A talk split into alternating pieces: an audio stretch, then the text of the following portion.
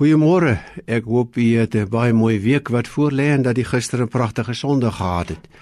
Dit was gisteroggend my voorreg om die uh, oggendeerdiens te lei en ek het probeer om uit Filippense hoofstuk 1 vers 27 die boodskap oor te dra dat vroeë Christene gekenmerk is deur hulle gedrag.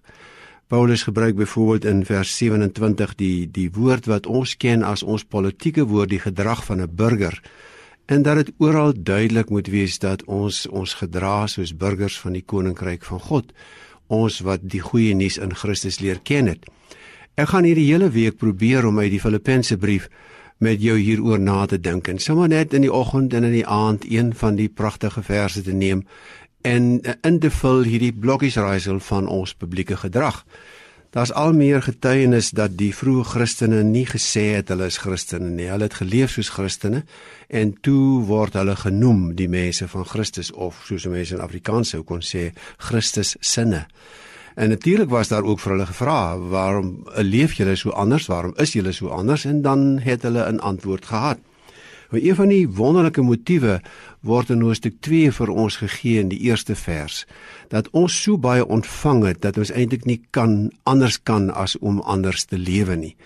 En uh, Paulus gebruik vier motiewe. Die eerste een is asof hy sê omdat julle die troos in Christus ondervind het. Aangesien julle in Christus is, daarom is dit tog vir julle moontlik om anders te lewe aangesien die liefde julle aanspoor. Ek lees in vertaling wat sê as die liefde enige oorredingskrag in julle lewe het, dan doen en leef julle tog anders.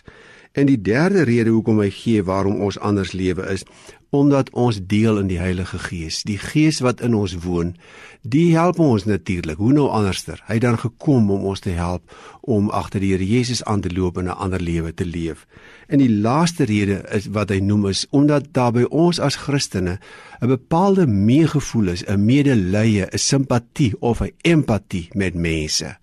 Dis ons leef anders omdat ons anders dink en anders voel. Mag die Here in hierdie maandag en in hierdie week vir jou en vir my help om ons te gedra soos burgers van die koninkryk in elke stukkie van ons publieke gedrag. 'n Baie mooi dag vir jou.